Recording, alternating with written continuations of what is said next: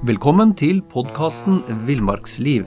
Mitt navn er Knut Brevik, og jeg er redaktør i Villmarksliv, jakt og alt om fiske.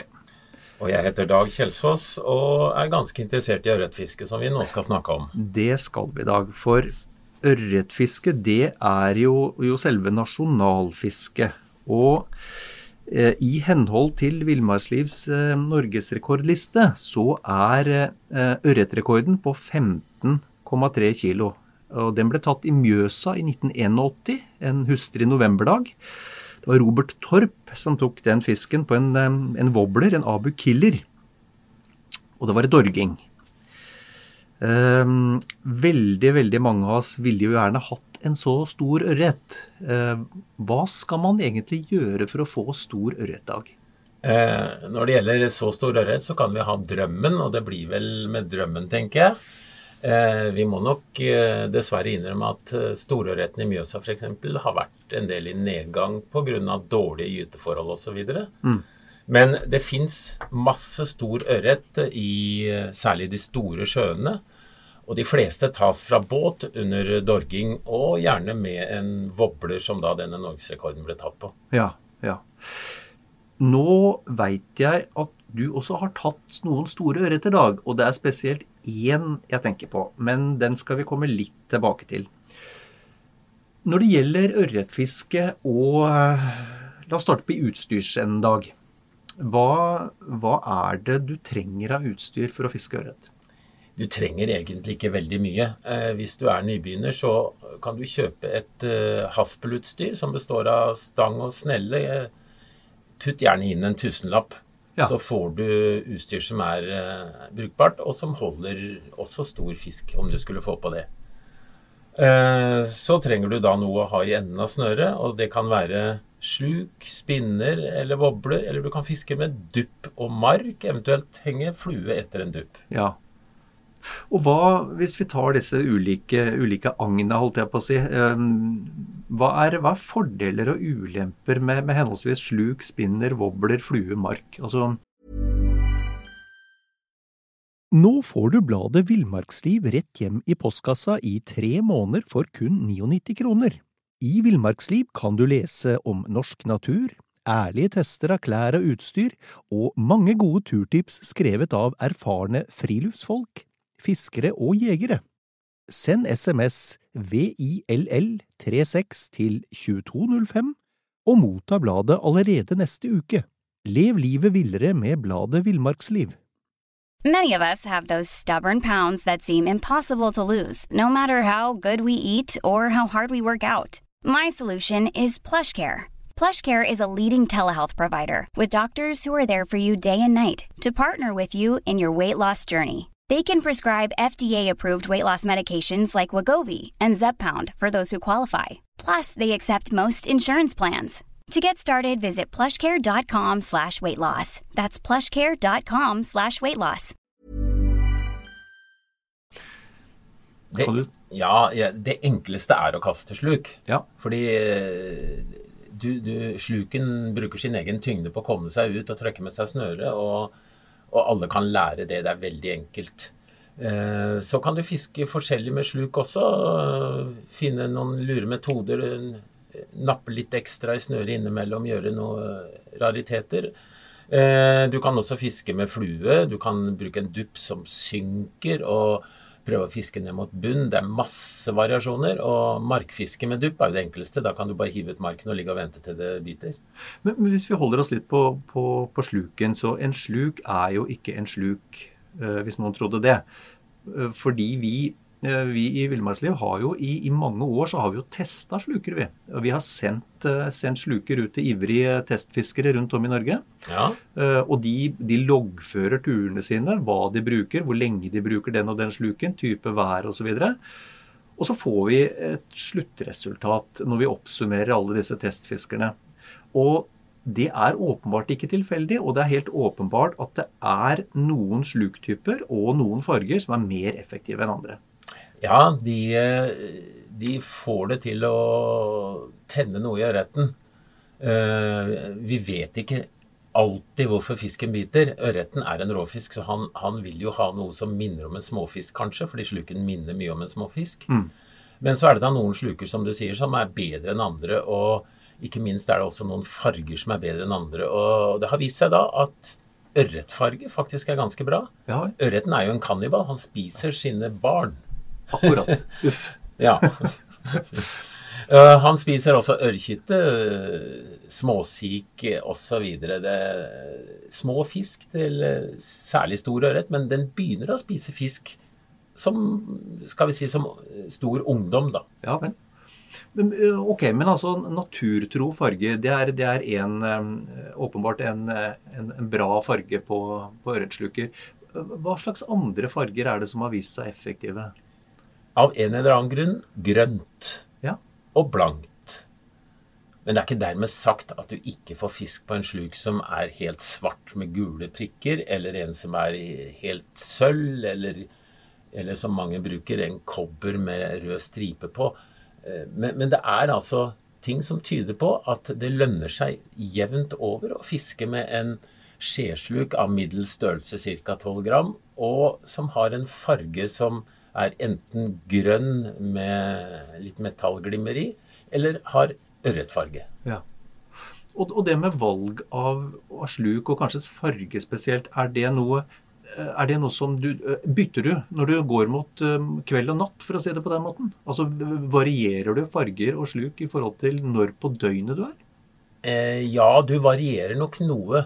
Eh, og det som er interessant, er at eh, mot kvelden så sier gamle, gode råd at du skal fiske med en mørk, en svart sluk. Okay. Og så er det noen som da har fiska med en hvit sluk og fått bra med ørret. Ja. og det, det, er jo typisk for sportsfiske at vi har for, punkt én, vi har unnskyldninger for alt. Det fins ingen forhold som vi ikke har en unnskyldning for ikke å få fisk under. Og så er det gode råd som da kan variere fra det helt ville og, og til det, det samlelse. Det er ofte rundt ting som stemmer, men vi fisker med det vi tror på, og da får vi fisk på det. Og dermed så mener vi at det er det beste. En annen tror på noe annet, fisker med det og får fisk på det. Ok. Så trua, det, det, det trumfer på mange måter eh, fargen og formen? Jeg har fiska etter ørret i skal vi si minst en mannsalder. Og jeg tror jeg får fisk hver gang jeg fisker. Hver gang jeg kaster ut, og hvert sekund jeg fisker, så tenker jeg nå, nå får jeg snart en fisk. Ja. Og hvis du har den, da er du et stykke på vei, for ja. da er du veldig våken for napp. Og du er våken for å gjøre det som forhåpentligvis er riktig. Ja. Ok. Ja, men det var, eh, det var, eh, var sluken. Hvis vi kan si, snakke litt om, om spinneren. Hva er en spinner, for de som, som ikke vet det?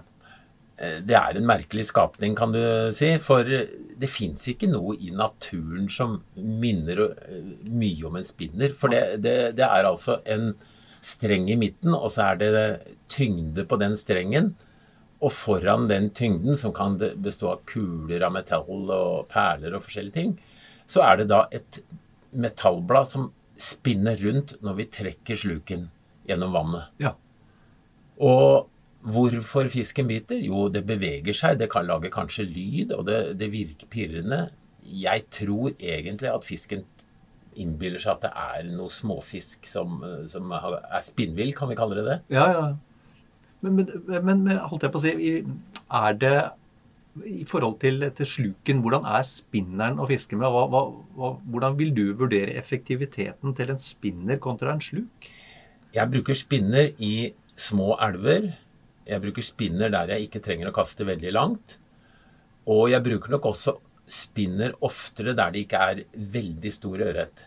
Okay. Uh, en liten spinner kan du få eh, skal vi kalle det steikefisk på i større grad kanskje enn med f.eks. en litt større wobbler eller sluk. For wobbler og sluk er nok litt mer på det nivået at fisken tror han skal spise en annen fisk. Og det er jo ikke alle steder ørreten er så hissig på å spise småfisk. Særlig ikke den ørreten som da er middelstor. Den, den, begynner vel å spise småfisk når den er fra si en halv kilo eller et eller annet. Ja.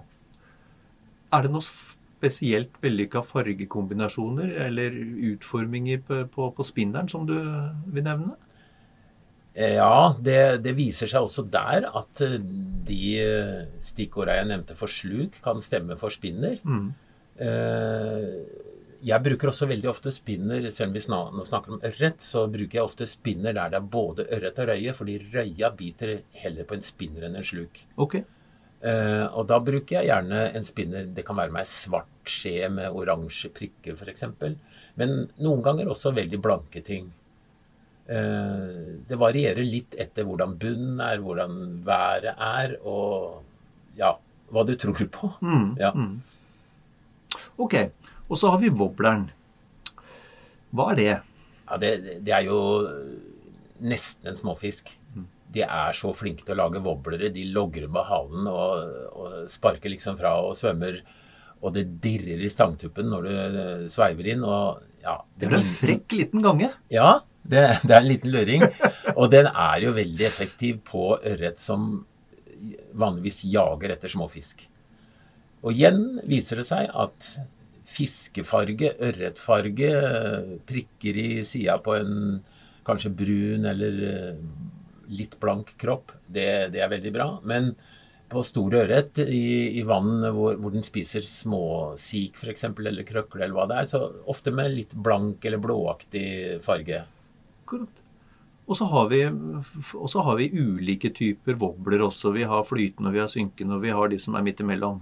De flytende er litt vanskelig å kaste fra land, fordi de, de er jo da naturligvis forholdsvis lette. Men det går også med det gode utstyret vi har i dag. Mm. Uh, da bruker jeg gjerne sånn multifilament, som det heter, på, på snella. Altså det er et spunnet snøre som er lettere enn sene, og som er så sterk at du kan bruke tynnere dimensjon, og derfor så får du lengre kast. Mm, mm. Men da bruker jeg en fortom av sene eh, så, som sikrer at den ikke ryker så lett hvis den kommer i kontakt med stein eller skarpe tenner på en fisk. Mm, mm. og så har du de synkende. De synkende har litt større skje foran, for det er styreskje foran på en wobbler. Og styreskjea på de som skal dra seg godt ned i vannet, den er litt større, sånn at, uh, at du, den ser litt snålere ut med lang underleppe, kan vi kalle det. Mm, mm. Og den trekker seg da dypere ned i vannet. Kanskje til opptil flere meter, men vi, de fleste tror nok at sluker og voblere går veldig dypt. Men i virkeligheten så vil snøret ha motstand i vannet, sånn at de går ikke vanligvis mer enn et par meter dypt. Nei, nei. Så har jeg sett deg en del ganger, Dag, eh, justere på wobbleren. Hva er det du gjør da, og hvorfor gjør du det? Jo, en, en wobbler er veldig fintfølende for uh, hvordan snørefestet er. Hvis det er litt skjevt, så vil wobbleren uh, oppføre seg helt vilt. Du, du, den går kanskje opp i overflaten og bare spinner rundt og tuller. Så du må prøve wobbleren før du kaster. Eh, trekke den foran deg i vannet og se at den går jevnt. Og Hvis den går ujevnt eller skjener til sida, så kan du dytte litt på snørefestet, eller eventuelt med ei tang bikke litt på den metallbøyen som snøret sitter i. Ja, for du, fordi når, når han legger seg på sida, så går han feil. Han skal, han skal, ligge rett opp og ned i vannet holdt ja. jeg på å si, og bevege seg rytmisk eh, fra side til side. Når du ser den ovenifra når han går i vannet, så skal du se midt på ryggen, og han skal da slenge fra side til side. Hvis han trekker veldig skeivt ut til ei side, da er snørefestet feil. Nettopp. Og det her sjekker du ved å ha bare en, en meter eller to uh, scene ute, og, ja. og, og, drar den så du ser gangen i, i ja. vannet. Ja. Ja. Det, det, er veldig lurt, for uh, du, du, får ikke så mye fisk på en syk wobbler. Enda folk sier jo noen ganger at sluk og wobbler ut som en syk fisk, og det er litt uh, motsetning mot det. Mm. For uh, en wobbler som går feil i vannet, den får du ikke så mye fisk på. Nei. Og også når det gjelder voblere, og det gjelder jo for øvrig også spinnere, så igjen, vi Villmarksliv har jo testa, testa over mange år og det er forskjeller der også på, på type boblere. Ja, det er denne Hvis du skal De fleste av oss har jo mange. Noen av oss har så mye at, at folk tror vi er litt sprø i huet og kjøper, kjøper stadig nytt. ja. Men, men hvis, skulle, hvis, jeg skulle fiske med én wobbler, så ville den være 7 cm og ha ørretfarge og gå middels dypt. Ja. Ålreit. Da må vi si litt om, om, fluer også. Fiske med flue. Alt fra det enkleste med fluedupp og, og, og til fluefiske med flueutstyr. Ja, Vi kan jo fortsette med spinnfiske, siden vi er der. Ja. Eh, du kan eh, kjøpe en fluedupp, eh, knyte den på lina og henge en fortom etter som er så lang som mulig i forhold til stanga, og sånn at du mestrer kastet. Og den flua som henger igjen bak flueduppen, den kan du absolutt fiske effektivt med på ørret. Litt begrensning når det gjelder tørrflue, da. Det blir eh, Jeg bruker vanligvis nymfe eller en, en liten streamer når jeg fisker på den måten. Ja. Du kan også feste flua foran duppen, da. Nettopp. Eller begge deler. Ja, da blir det nok kluss noen ganger. Okay. men, men, den fortommen, Dag. Um, her snakker vi ikke om en halvmeter fortom. Vi snakker da fort om to-to-og-en-halv meter eller noe sånt nå? Ja, jeg har uh, eh, utvikla en teknikk hvor jeg kan bruke fem meter fortom. Oi. Men, men uh, da blir det en veldig spesiell måte å fiske på. Du sørger for å få den opp i vannflaten når du sveiver inn mot deg, og så kaster du mens fortommen ligger på vannet i en skal vi si, en sånn rullende bevegelse med stanga, på en måte. Ah. Uh, litt problemer når du skal ta inn fisken, da, for da kan du ikke stå med stanga vanlig. Du må, du må helst finne ei sandstrand eller et, et, sted hvor du kan trekke fisken opp Akkurat. mens du rygger innover. Ja. Eventuelt så har jeg også lagd, eh, eller bruker dupper som er sånn at du kan løse ut duppen sånn at den glir ned til flua. Du har en uh, gjennomgående dupp Eh, eller du har en, et annet type med stopper, sånn at du får til det. Spennende.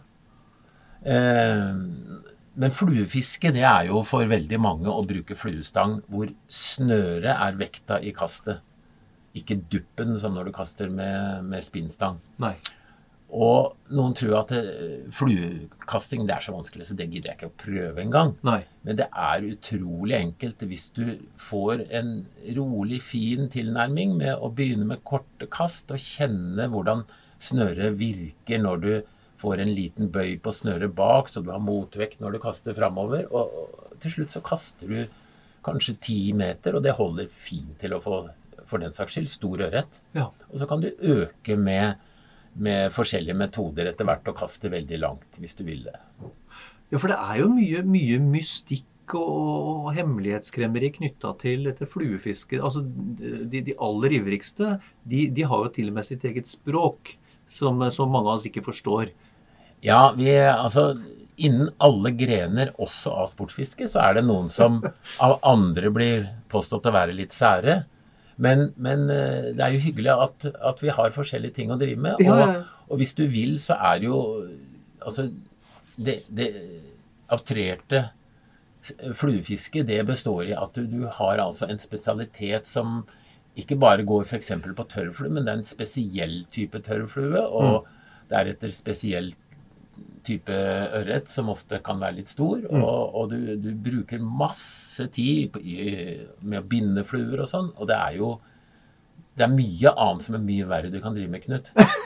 ja, ja, det tror jeg på. Jeg husker jo de første gangene jeg skulle prøve meg med, med flueutstyr. Og da, da, var det en lei tendens til at enten så festa den flua seg i buskene bak meg, eller et eller annet sted i ansiktet mitt.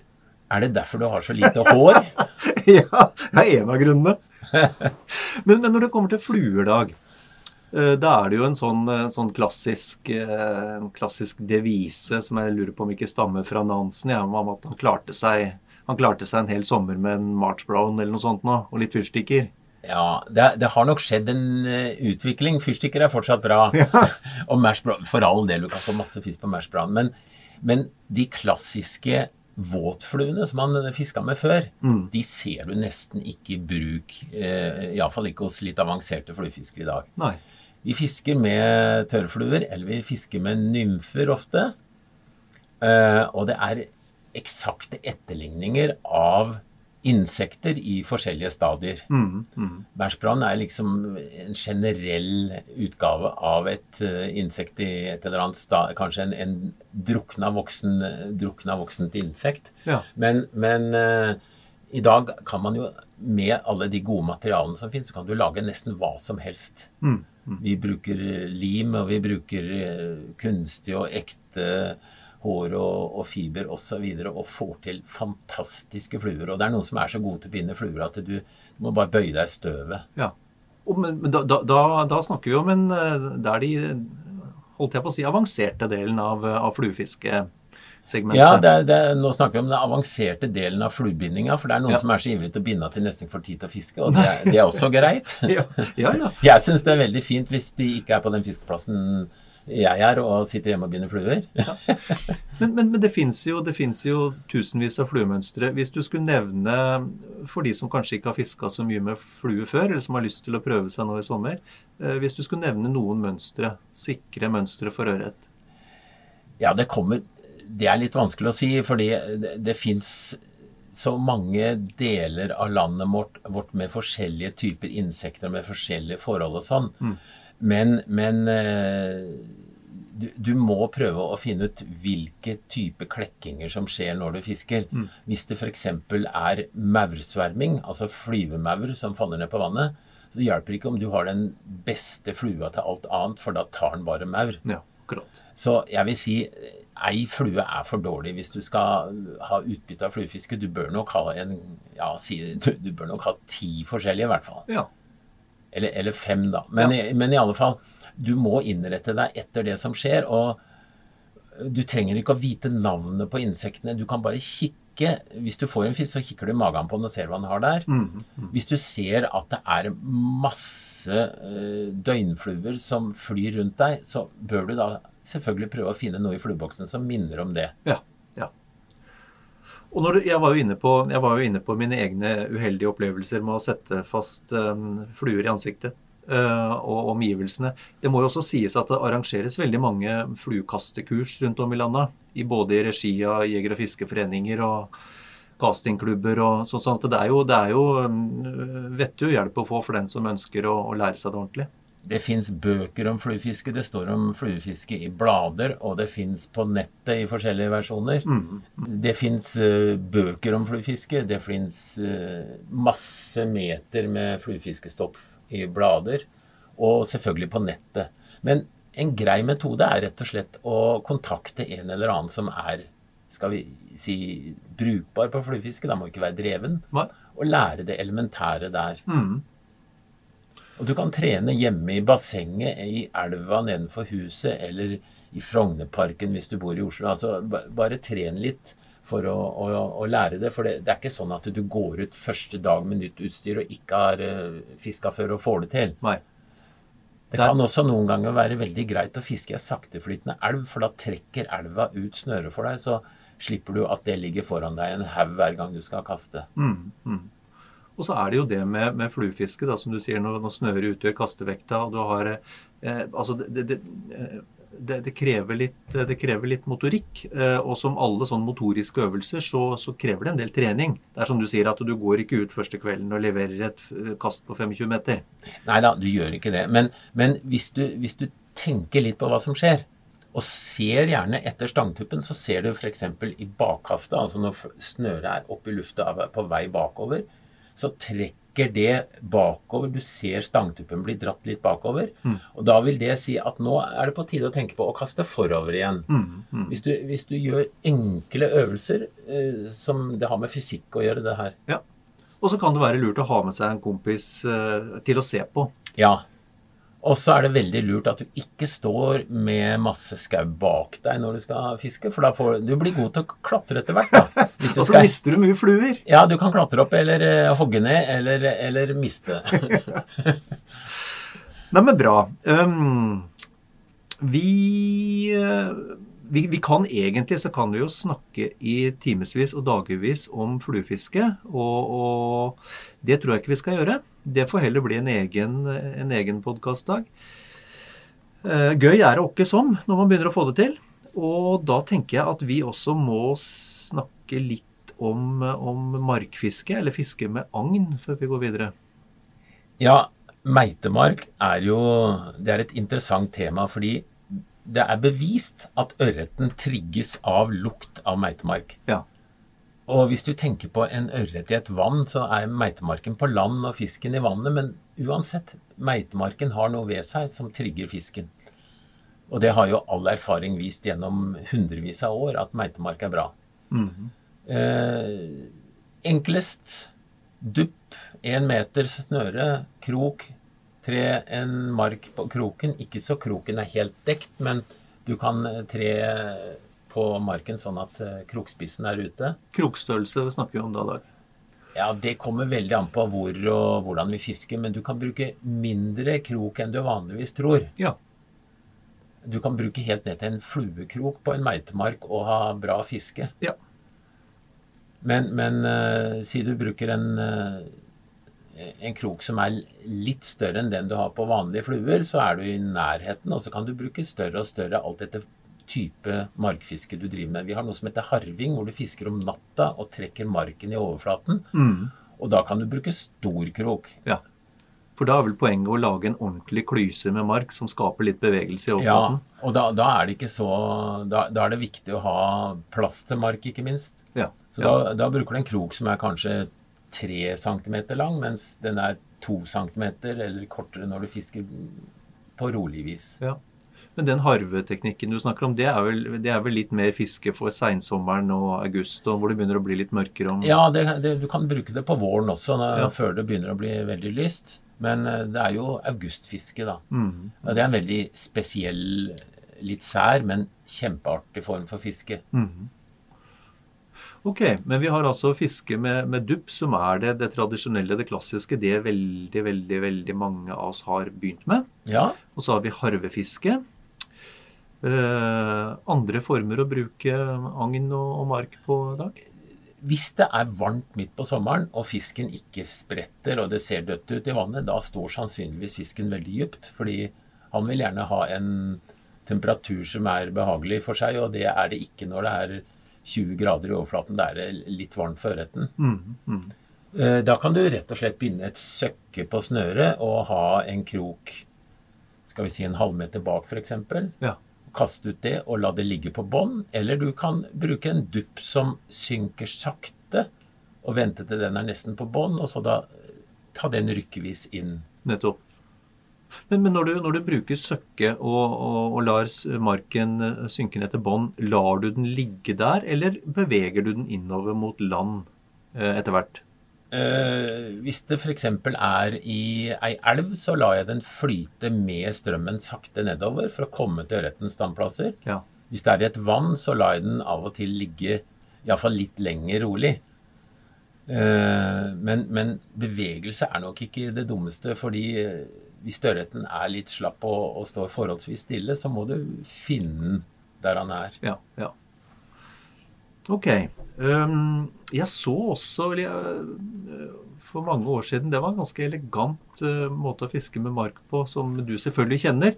Um, man bare har en, en liten krok og mark, og, og, og slipper, slipper øh, marken nedover elva. Ja, det, jeg sa at du, du kan slippe nedover med søkket, og da burde jeg ha sagt at det søkket kan jo være veldig lett, men det skal hjelpe litt i forhold til hvor stri strømmen er. Hvis det er veldig stri strøm, så vil marken nærmest gå bare i overflaten. Eh, så så da, da, da velger vi søkke i forhold til strømmen.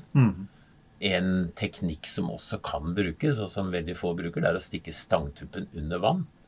Ok. Hvis, hvis, hvis, det er, hvis du står nær forholdsvis djup strøm, så kan du stikke stangtuppen én meter nedi og holde den der ganske lenge mens marken da svever, svever nedover eller henger etter. For å presse etter. presse marken Ja, ned da vil jo snøret føres med strømmen og være én meter Ja. under hele veien. ah, Så Spennende. det er, det er mange sånne spesielle metoder, øh, og noen er hemmeligheter som vi ikke røper, selvfølgelig. Naturligvis. Ja, ja. Men nei, for det er, vel, det er vel det med mark hvis man, øh, hvis man skal være veldig, veldig generell, så er det vel egentlig ikke noe som er så sikkert i så mange situasjoner som markfiske. Nei, det er Hvis jeg skulle velge én et agn som jeg skulle øh, fiske for å leve av, så kan det godt hende det ble mark. Jeg skal forresten jeg skal nevne én ting med elva. Det, det er, ok, nå får du en hemmelighet, Knut. Ai, herlig. Ikke, lover ikke å si det Jeg skal ikke si det nå Nei. Hvis du har et elvestryk som ikke er prega av altfor store steiner som står opp og sperrer snøret osv., Ja. gå øverst på stryket, så kaster du ut marken, eller får den ut i elva. Og så går du like fort som snøret driver nedover. Og du leier marken Da nedover, Da leier du marken nedover. Den danser nedover helt fri for å søkke alle hindringer, og kommer dansende ned til ørreten. Men du må ikke gå sånn at ørreten ser deg, da. Nei. Nei. Men, eh, men den metoden er, den har jeg brukt bl.a. i, i lakseelver, med veldig bra resultat. Ja. Men også på ørret. Er det når du fisker med, med mark, i motsetning til f.eks. Uh, spinner eller, eller sluk, skal du ha noe forsinkelsestid på, på, før du gir tilslag der? Eh, med mark kan du godt vente litt. Og, og med litt, hva mener du da? Ja, det kommer an på. Hvis jeg harvefisker, da, for å ta det ekstreme, så drar jeg jo marken i overflaten rykkevis, og så hører jeg et plask. Mm. Det betyr nå er ørreten oppe og henter. Og da kan jeg slappe av i fem sekunder. Og såpass, ja. Ja, For da bruker, for det første er det masse mark, så fisken kjenner ikke krok eller motstand. Og jeg gir selvfølgelig etter, så han ikke har noe som helst som sier at her er det fare på ferde. Og da lar jeg han tygge og kose seg og, og kanskje snu på agnet og, og få det nedover i, i halsen før jeg drar til. Akkurat. Eh, hvis du fisker med en liten mark og forholdsvis liten krok, så gir jeg nok tilslag litt før. Men, eh, men eh, fisker du med dupp, og du ser det biter, kan godt vente et par sekunder før du napper til. For det er ikke så reint få ørreter som har berga livet, og ære være dem for det, ved at vi har gitt tilslag for raskt under markfiske. Det gjelder på fluefiske og det. Ja, ja, ja. Hvis, du, hvis, du, hvis det sitrer i deg, og du ser tørrflua, og med samme fisken åpner kjeften og kommer fo- fossende mot, så gir du tilslag og napper vekk flua før han lukker munnen. Har ikke en nubbesjanse å få tak i den. Nei. Så, så da skal du vente litt, altså. Ja. Du, mens vi er inne på, inne på det her med, med mark og, og hva, hva ørreten spiser Det overrasker meg stadig når du er i høyfjellet, Skrint høyfjell, 1000-1200 meter over havet. Det er ikke, ikke vegetasjon, det er ingenting rundt vannet. Og så står det altså stor og fin og feit ørret der. Hva i himmelens navn er det de lever av? Vet du hvordan du finner ut det? Du kler av deg, og så hopper du ned i vannet, og så setter du ansiktet ned mot bunnen, og så kikker du. Og hva tror du du ser da? Kanskje marflo, okay. et krepsdyr, som eh, klarer seg veldig bra på bånn av fjellsjøer, og som er utrolig bra mat for ørreten. ah, Og den, i likhet med eh, andre krepsdyr, gir også rødfargen til fisken. Så hvis du ser en fisk som er rød i kjøttet, så har den fått det fra krepsdyr den har spist. Det er ikke bare marflo, det er flere arter. Men, eh, men det er en av de altså Finner du et vann hvor det er mye mareflå, så, så veit du nesten at her kan det være fin fisk. Ja, ok. Spennende. Ok, hvis vi, er, vi, vi holder oss på det fjellvannet mitt, um, 1200 meter. Du har nå kommet fram. Du har med deg uh, det vi har snakket om av utstyr. Du har med deg både sluk og spinner og flue og wobbler og, og mark. Hvordan, uh, hvordan går du løs på det vannet? Det var et veldig brutalt uttrykk, merker jeg. Hvordan, hvordan fisker du over et sånt vann? Jeg må innrømme at jeg gjør det ikke alltid sånn jeg bør, for jeg er så ivrig at jeg begynner ofte å fiske før enn jeg bør. Men hvis du gjør det helt riktig, så setter du deg ned et sted hvor du har litt oversikt over vannet. Gjerne så høyt at du kan se hvor det er grunt og, og dypt osv. Og, og så studerer du vannet. Så ser du da et sted hvor du skjønner at det er en grunne, ok, da skal jeg fiske der. Men, men hva skal jeg fiske med, ikke sant? Hvis det vaker, da fisker jeg med tørrflue. Jeg syns det er kjempegøy å få fisk på tørrflue. Og jeg syns det er gøy å få fisk på alle de andre metodene. Ja. Men det er kjempegøy å ta den på tørrflue. Ja. ja. Ok, hvis den vaker, ja da prøver jeg å finne ut hva den vaker etter. Og så prøver jeg å finne ut hvordan jeg skal komme et sted hvor jeg klarer å kaste så langt som til der fisken står. Mm. Og hvis det ikke vaker, ja, da prøver jeg å se litt på vannet, hvordan det er eh, forma. Hvis det er et brådypt vann med svære steiner f.eks., da Ja. tenker jeg her må jeg nok fiske litt dypt. Mm. Da har du muligheten for mark eller eh, nymfe, tenker jeg i første omgang. Eh, hvis det blåser, så kan jeg fiske litt mer bråkete, hvis vi kan bruke det uttrykket, eh, med sluk. Ja, for da må du skape litt mer bevegelse da, for å, for å få oppmerksomhet Ja, fra altså, det, det handler litt om ikke å skremme fisken før det er nødvendig. Og det kommer også litt an på hvor stort vann er. da. Et Ja. lite vann fisker jeg veldig forsiktig. Mm. Og da bruker jeg ikke en diger markdupp som liksom du hører det gir gjenklang i fjellet rundt når du kaster ut. Da Nei. kan du glemme nesten den uh, fiskinga i det lille vannet. Så å fiske veldig forsiktig til å begynne med, det er et godt tips. Ja. Og hvis den ikke biter på noe annet, en ganske tung sildesluk og pælme midt ute i vannet, la synke nesten til bånn, og så sveive inn den rykkevis. Mm. Mm. Men begynne lett, og, og øke etter hvert, kan du si. ja. Hva med inneos og uteos, holdt jeg på å si? Er det, eller jeg sa det, er det mer attraktivt enn andre områder? Ja, det er jo klassiske fiskeplasser, men sær, uteos, særlig på kvelden, Mm. da slipper fisken seg ofte litt nedpå. Ah. Uh, og det, dette har jo ofte sammenheng med eh, insekter og sverming også, da. Fordi i løpet av ett døgn kan det skje mye ved et vann. Det kan være helt stille, ikke et vak midt på dagen, og så plutselig på kvelden så begynner det å vake voldsomt fordi det er en klekking, eller ørreten våkner til liv, eller kombinasjonen. Men når på, når på døgnet, da? Det vil si at du har et par dager til rådighet, du kan ligge ved det vannet, da, eller eh, en uke for den saks skyld. Når på, når på døgnet bør du konsentrere innsatsen din? Når er sjansene størst for å få fisk? Eh, hvis det er på sommertid, så ville jeg fiska litt på formiddagen fram mot uh, midt på dagen. Og så ville jeg sove i tre-fire-fem timer. Ja. Og så ville jeg begynt å fiske mm, litt før det blir kveld. Fiske kanskje utover helt til midnatt. Ok. Ja, for det, for det er noe i det, det gamle, gamle devisen om at når sola står høyt osv., så, videre, så er det, det er ikke det beste fiskeværet midt på dagen. Nei, det er ikke det beste, men vi må ikke avskrive det som fisketid for ørret. For ørreten biter. Den kan bite hele døgnet. Mm, mm. Eh, Men, men som sagt, hvis jeg får velge, så ville jeg tatt formiddagen og kvelden. Ja. Og vi, vi veit jo vi har, det Villmarksdrevet har også gjort litt sjekking på det her med testfiskere, og det er på kvelden de fleste får mest fisk. Ja, ja. Og så er det noen perioder han åpenbart biter bedre enn andre perioder. Eh, Vi har jo disse BET-tabellene som, eh, som Villmarksliv har, har ført i en årrekke. Eh, Og de er jo ikke helt, det er jo ikke tatt helt ut av løse lufta. Nei, det er ikke Du trenger ikke engang lure på om det er forskjell på, på døgnet når det gjelder fiskens lyst til å ta. Nei. Eh, Du kan observere ørret som, som du fisker på. Han, han rygger ikke unna, men han svinger iallfall unna hvis ja. det kommer noe dansende gjennom vannet. Og så plutselig så er det en periode hvor fisken tar. Mm, mm.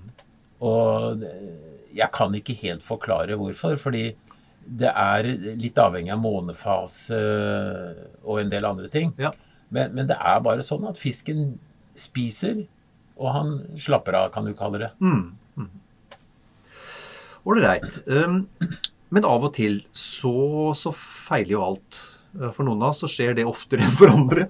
Men, men det er nå engang sånn at det er ikke alltid like lett. Og når, når fisken er vrien å få til å bite, hva, hva, slags, hva slags triks byr du på da, Dag? Nå får du bladet Villmarksliv rett hjem i postkassa i tre måneder for kun 99 kroner. I Villmarksliv kan du lese om norsk natur, ærlige tester av klær og utstyr, og mange gode turtips skrevet av erfarne friluftsfolk, fiskere og jegere. Send SMS VILL36 til 2205 og motta bladet allerede neste uke. Lev livet villere med bladet Villmarksliv. Planning for your next trip? Elevate your travel style with Quince. Quince has all the jet setting essentials you'll want for your next getaway, like European linen, premium luggage options, buttery soft Italian leather bags, and so much more. And is all priced at 50 to 80% less than similar brands. Plus, Quince only works with factories that use safe and ethical manufacturing practices. Pack your bags with high-quality essentials you'll be wearing for vacations to come with Quince. Go to quince.com slash pack for free shipping and 365-day returns.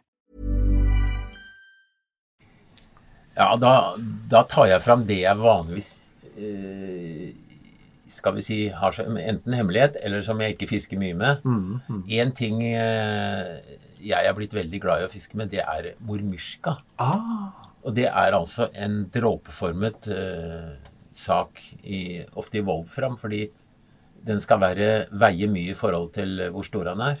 Og brukes på isfiske. Det er derfor den er lagd. Og den eh, mormyrska er vel sannsynligvis russisk og kommer derfra. ja, Stor som ei lita ert. Ja. Eh, da tar jeg en sånn en og setter på i stedet for spinner eller sluk. Da må du ha lett utstyr. Og så setter jeg på en bit av en meitemark, eventuelt en uh, fluelarve, sånn maggot. Og så kaster jeg det ut Du kommer 15 meter uten problem, i hvert fall. Ja vel, ok. Og så lar jeg den synke nesten til bunnen, og så lar jeg den danse innover rykkvis. Ja. Og det Enkelte år har jeg fiska mer med mor- mormyrska enn med sluk, spinner og wobbler til sammen. Ok. Største ørreten fire kilo på den lille saken. Ai! Men hva er det med mormyrskan, da, den lille, unnselige dråpa, som, som, som, gjør, eh, som gjør sånt utslag? Eh, den er jo ikke identisk med noe vanndyr, men eh, hvis du, kikker i, hvis du igjen eh, hopper ned i vannet og kikker, Ja. så ser du at det fins faktisk en del vanninsekter. Forskjellige svartofte ja. saker som spretter og, og stikker rundt nedi i vannet. Og fisken lever jo av veldig mye som er på størrelse med denne mormyrskaen. Ja visst. Og i tillegg så tilsetter du lukt og smak, holdt jeg på å si, med en liten markbit. Ja, ja.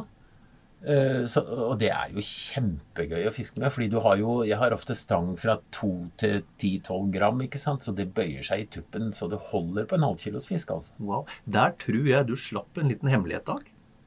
Ja, jeg har vel eh, fortalt det til noen før, men de, de har sagt at det her er bare tull. Og nå, når de ser at det går an å få fisk på det, så skjønner de at det er egentlig ikke tull. Nei.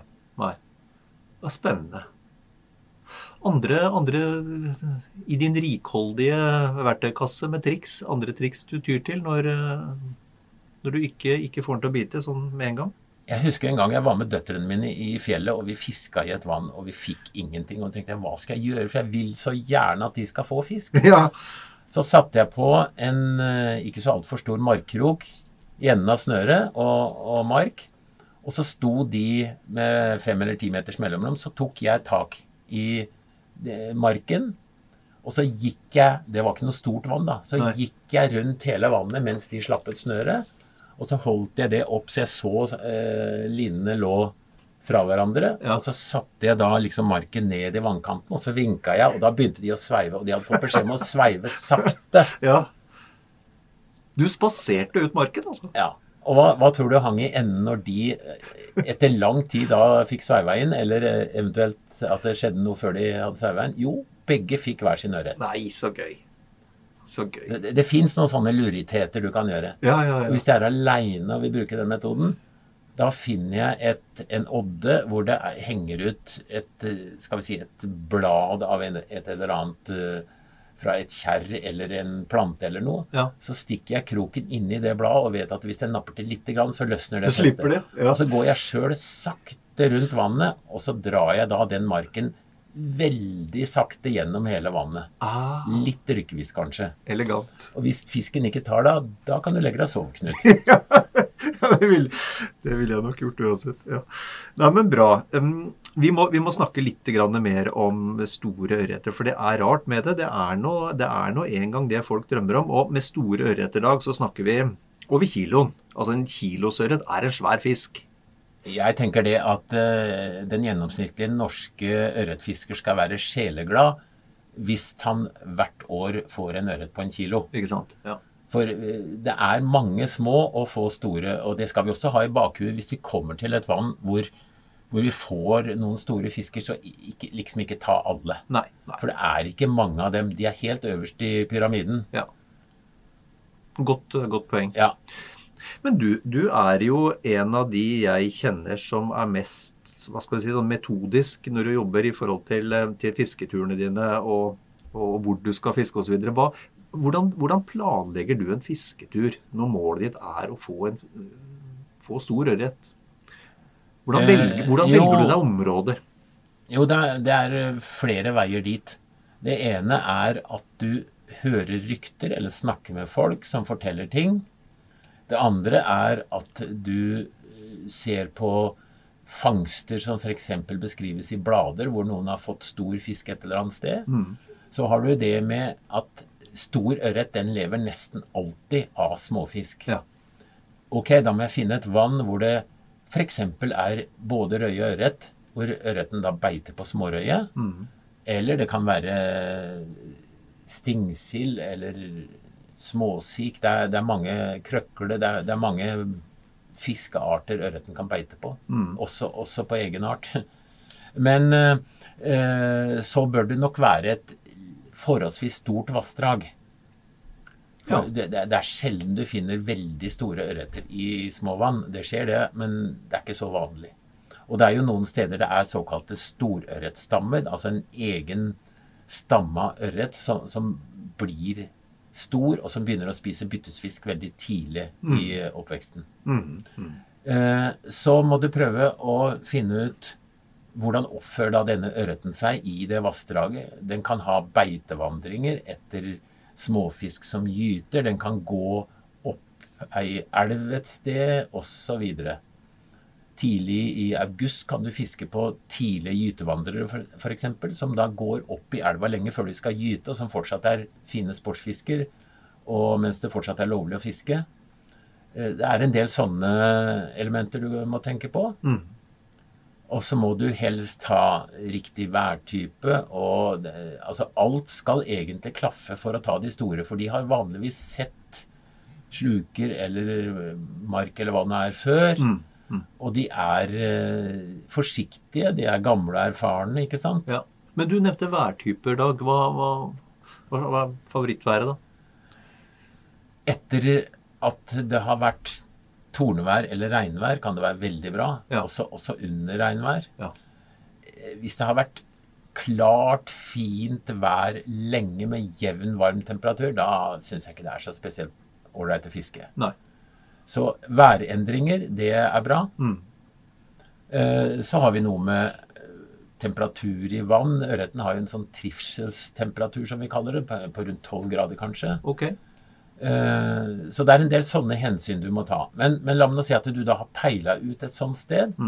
Så må du da lage en strategi for hvordan du fisker. Da må du Da har vi det der med farger og størrelse på agn og alt det vi har snakka om. Og så må du være veldig tålmodig. Du må kunne dra på tre fisketurer uten å få en eneste fisk. Og Ja. fortsatt ha veldig lyst den fjerde gangen du prøver. Ja. ja. Og hele tida trua. Ja, ja det, du må tro at du får fisk hvert sekund. For Ja. hvis du slapper av, så kan det hende du går glipp av det bettet som kunne vært storfisken, men som du da var sløv nok til å miste muligheten for å, å, å få gitt tilslag, eller hva det nå er. Ålreit. Um, vi har lovt å snakke litt om den aller største du har tatt. Det, vi må vente litt med det. Men, men eh, kan du fortelle hvilken ørretfiskesituasjon du husker best? Du har fiska i, i noen år nå. Ja, det, er jo sånn da at vi husker jo de store best. Eh, må jo innrømme det. Eh, hadde du spurt om abbor, så hadde jeg sagt at faren min hadde med meg på en tømmerflåte i Nordmarka vi fiska abbor. Ja. Men hvis vi snakker ørret, Ja. så det er nok et, eh, en episode hvor jeg lå i en liten gummibåt. Okay. Og ja, det er vel sånn at folk har regnet meg som litt gæren. Jeg har brukt gummibåt på steder hvor folk mener du bør ha en, eh, et større skip. Kan jeg ikke tenke meg det. Kan jeg ikke tenke meg. Men i hvert fall, jeg lå nå ute i litt uh, hard strøm med en gummibåt og fikk på en uh, ørret som viste seg å veie fem kilo. Nei! Og den gummibåten var litt større enn meg, og det var sånn at uh, en krok i den, så hadde det sagt pjoff, og så hadde jeg måttet svømme litt. Oh. Men i hvert fall, eh, jeg fikk på den ørreten, og den ville absolutt ikke inn til meg. Så rart. Jeg hadde håv med meg i båten, men jeg fant ut at det her går ikke for den båten snurra rundt og rundt og rundt. Ørreten gikk og hoppa og, og, og dro meg og, i det hele tatt. Ja, hva, hva, hadde du, hva hadde du tatt den på? Nei, da hadde jeg en liten wobbler okay. på ei veldig lett stang fra 3 til 15 gram. Oi. Så den dro jo så det holdt. Og, den dro jo båten med letthet. Altså, hvis noen har sett meg, eller sett på fra land, så hadde de kommet til å ledd seg i hjel. For det, det gikk jo rundt i ring noen ganger, vet du, som bare det. Hvor, hvor, er det lov å spørre hvor i landet dette var? Ja, det, jeg kan si at det var i Troms. Ja. Eh, men i alle fall, jeg, jeg fikk omsider padla meg inn til land da, med ørreten på slep. Ja. Og når du skal padle med en gummibåt som svirrer rundt, samtidig som du skal takle fiskens hopp og sprett og utdrag og alt Du skal alltid ha jevnt drag på toppen av stanga. Det er noe jeg sier til alle. Ja. Og det prøvde jeg jo. Så jeg hadde jo da stanga mellom beina, årene i hendene og eh, skulle prøve å multitaske. Og du vet, vi menn klarer stort sett bare én ting av gangen. Ja, vi gjør det. Så det var, eh, jeg gjorde veldig mye rart og dumt, men ørreten hang nå på. Til slutt så klarte jeg å komme meg helt inn til land da, og uh, ramla mer eller mindre ut i vannet. Ble våt, men fikk tak i ørreten. Fantastisk. Så det, det er litt morsomt å tenke på. Fem kilo. Ja, det var eh, Jeg husker ikke om det var 4,8 eller 5,1, men det var rundt et eller annet sted der. Jeg, jeg tror jeg hadde huska om det var 4,8 eller 5,1, hadde jeg fått en så stor fiskdag.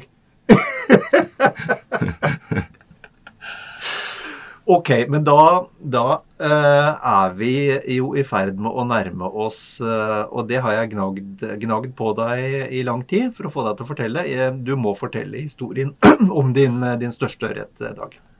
Ja, Det var jo på isfiske, da. Ja. Så det, vi har ikke snakka noe særlig om det. Men jo, det var et, et vann Det var også nordpå, Ja. hvor jeg visste at det var gørstor ørret. Og hvor, hvor det var Jeg tror ikke det er mange som har fiska der på den måten jeg gjorde, men jeg brukte balansepilk Okay. og øh, hadde veldig lett pilkestikke med Jeg brukte øh, fluesnelle da, på ei lett pilkestikke. Ja. Og så Jeg visste ikke hvor djupt fisken gikk. Det var kanskje 10-12 meter der jeg fiska. Så jeg gikk fram og tilbake og rykka jevnlig i øh, pilkestikka. Oh ja, for å fiske av øh, alle vanndybdene. Ja. Ja. Så jeg gikk fram og tilbake på den måten der. Og, og så Jeg fikk et par ørreter på rundt halvannen kilo først. Nettopp. Og så kom storingen, da. Og da hadde jeg heldigvis 20 cm bor eh, som jeg hadde lagd hølet med. Men øh, å kjøre den, delvis med å holde snøret i hånda, og da den dro ut, det, det var litt gøy. Fy fille. Når, på, når på, på døgnet var dette? Eh, jeg tror det var tidlig på morgenen. Ja. Og hvor lang tid brukte du på å få opp den fisken? Nei, det veit jeg ikke. Eh, altså, jeg kjører fisk eh, forholdsvis hardt, men alltid veldig jevnt. Ja.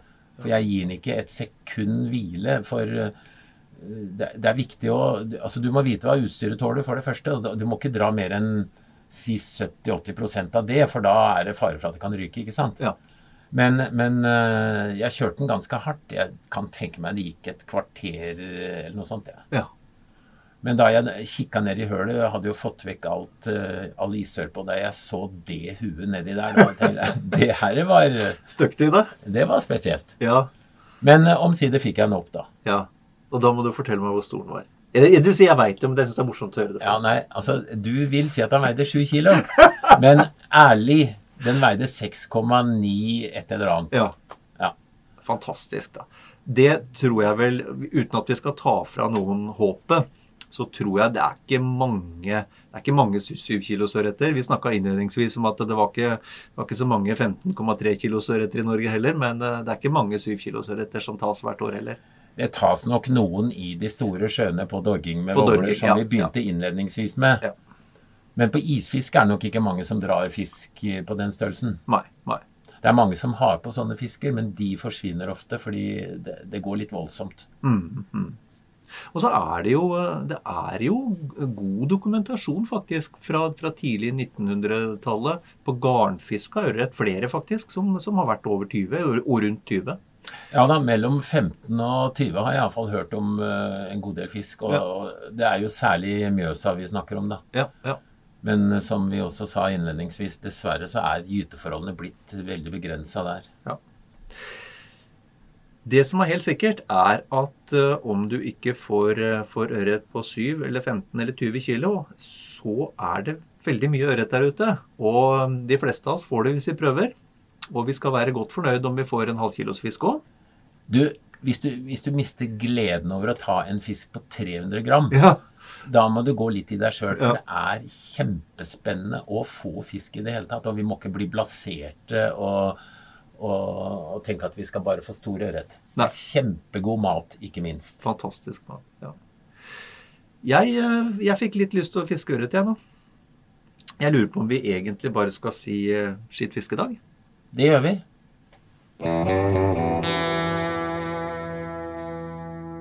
Kort og godt, noen tips når du går deg bort.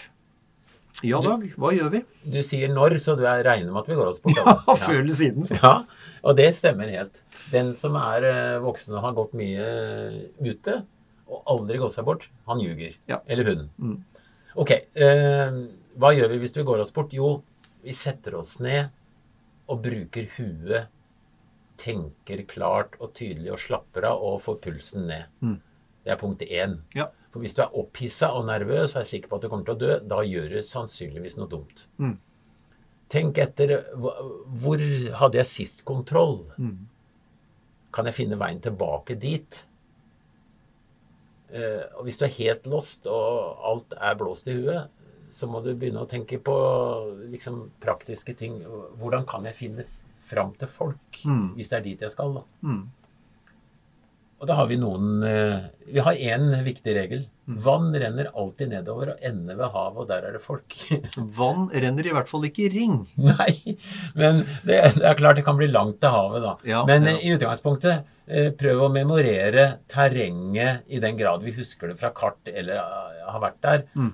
Og som sagt, å begynne å gå oppover er vanligvis mye dummere enn å gå nedover når du har gått deg bort. Mm. Mm.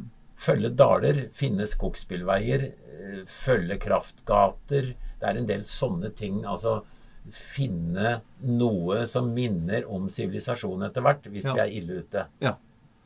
Og så er eh, mauren er veldig, eh, veldig pålitelig. Den Du tenker å følge etter den? følge etter mauren. Den legger konsekvent tua si på vent vendt mot sør. Sør, sør og sørvest, ja. Ja. Så, sånn at det da, da får vi litt hjelp. Ja. Og så har vi Altså, det er faktisk lett å overse at sola er også en uh, veldig fin veiviser. Mm. Om kvelden så er sola, Knut, i Da er den i vest, Dag. Veldig riktig. Og midt på dagen i sør. Ja. Og, og det forteller oss også eh, en del om retningene. Vi kan Jeg har, har brukt vinden noen ganger òg. For vinden, hvis vinden er stabil, Mm. så kan jeg huske at jeg gikk med vinden i ryggen da jeg gikk ut på tur. Da, da skal jeg antagelig gå med vinden i ansiktet når jeg går tilbake. Men det er, det er vel å merke hvis du ikke finner noen andre løsninger. For det er, vinden kan snu. Ja. Nå får du bladet Villmarksliv rett hjem i postkassa i tre måneder for kun 99 kroner. I Villmarksliv kan du lese om norsk natur, ærlige tester av klær og utstyr, og mange gode turtips skrevet av erfarne friluftsfolk, fiskere og jegere. Send SMS VILL36 til 2205 og motta bladet allerede neste uke. Lev livet villere med bladet Villmarksliv. Imagine the softest sheets you've ever felt. Now imagine them getting even softer over time. That's what you'll feel with Bowl and Branch's organic cotton sheets. In a recent customer survey, 96% replied that Bowl and Branch sheets get softer with every wash. Start getting your best night's sleep in these sheets that get softer and softer for years to come. Try their sheets with a 30-night guarantee. Plus, get 15% off your first order at bowlandbranch.com. Code BUTTERY. Exclusions apply. See site for details. Even when we're on a budget, we still deserve nice things. Quince is a place to scoop up stunning high-end goods for 50 to 80% less than similar brands. They have buttery soft cashmere sweaters starting at $50, luxurious Italian leather bags, and so much more. Plus, Quince only works with factories that use safe, ethical, and responsible manufacturing. Get the high-end goods you'll love without the high price tag with Quince. Go to quince.com slash style for free shipping and 365-day returns.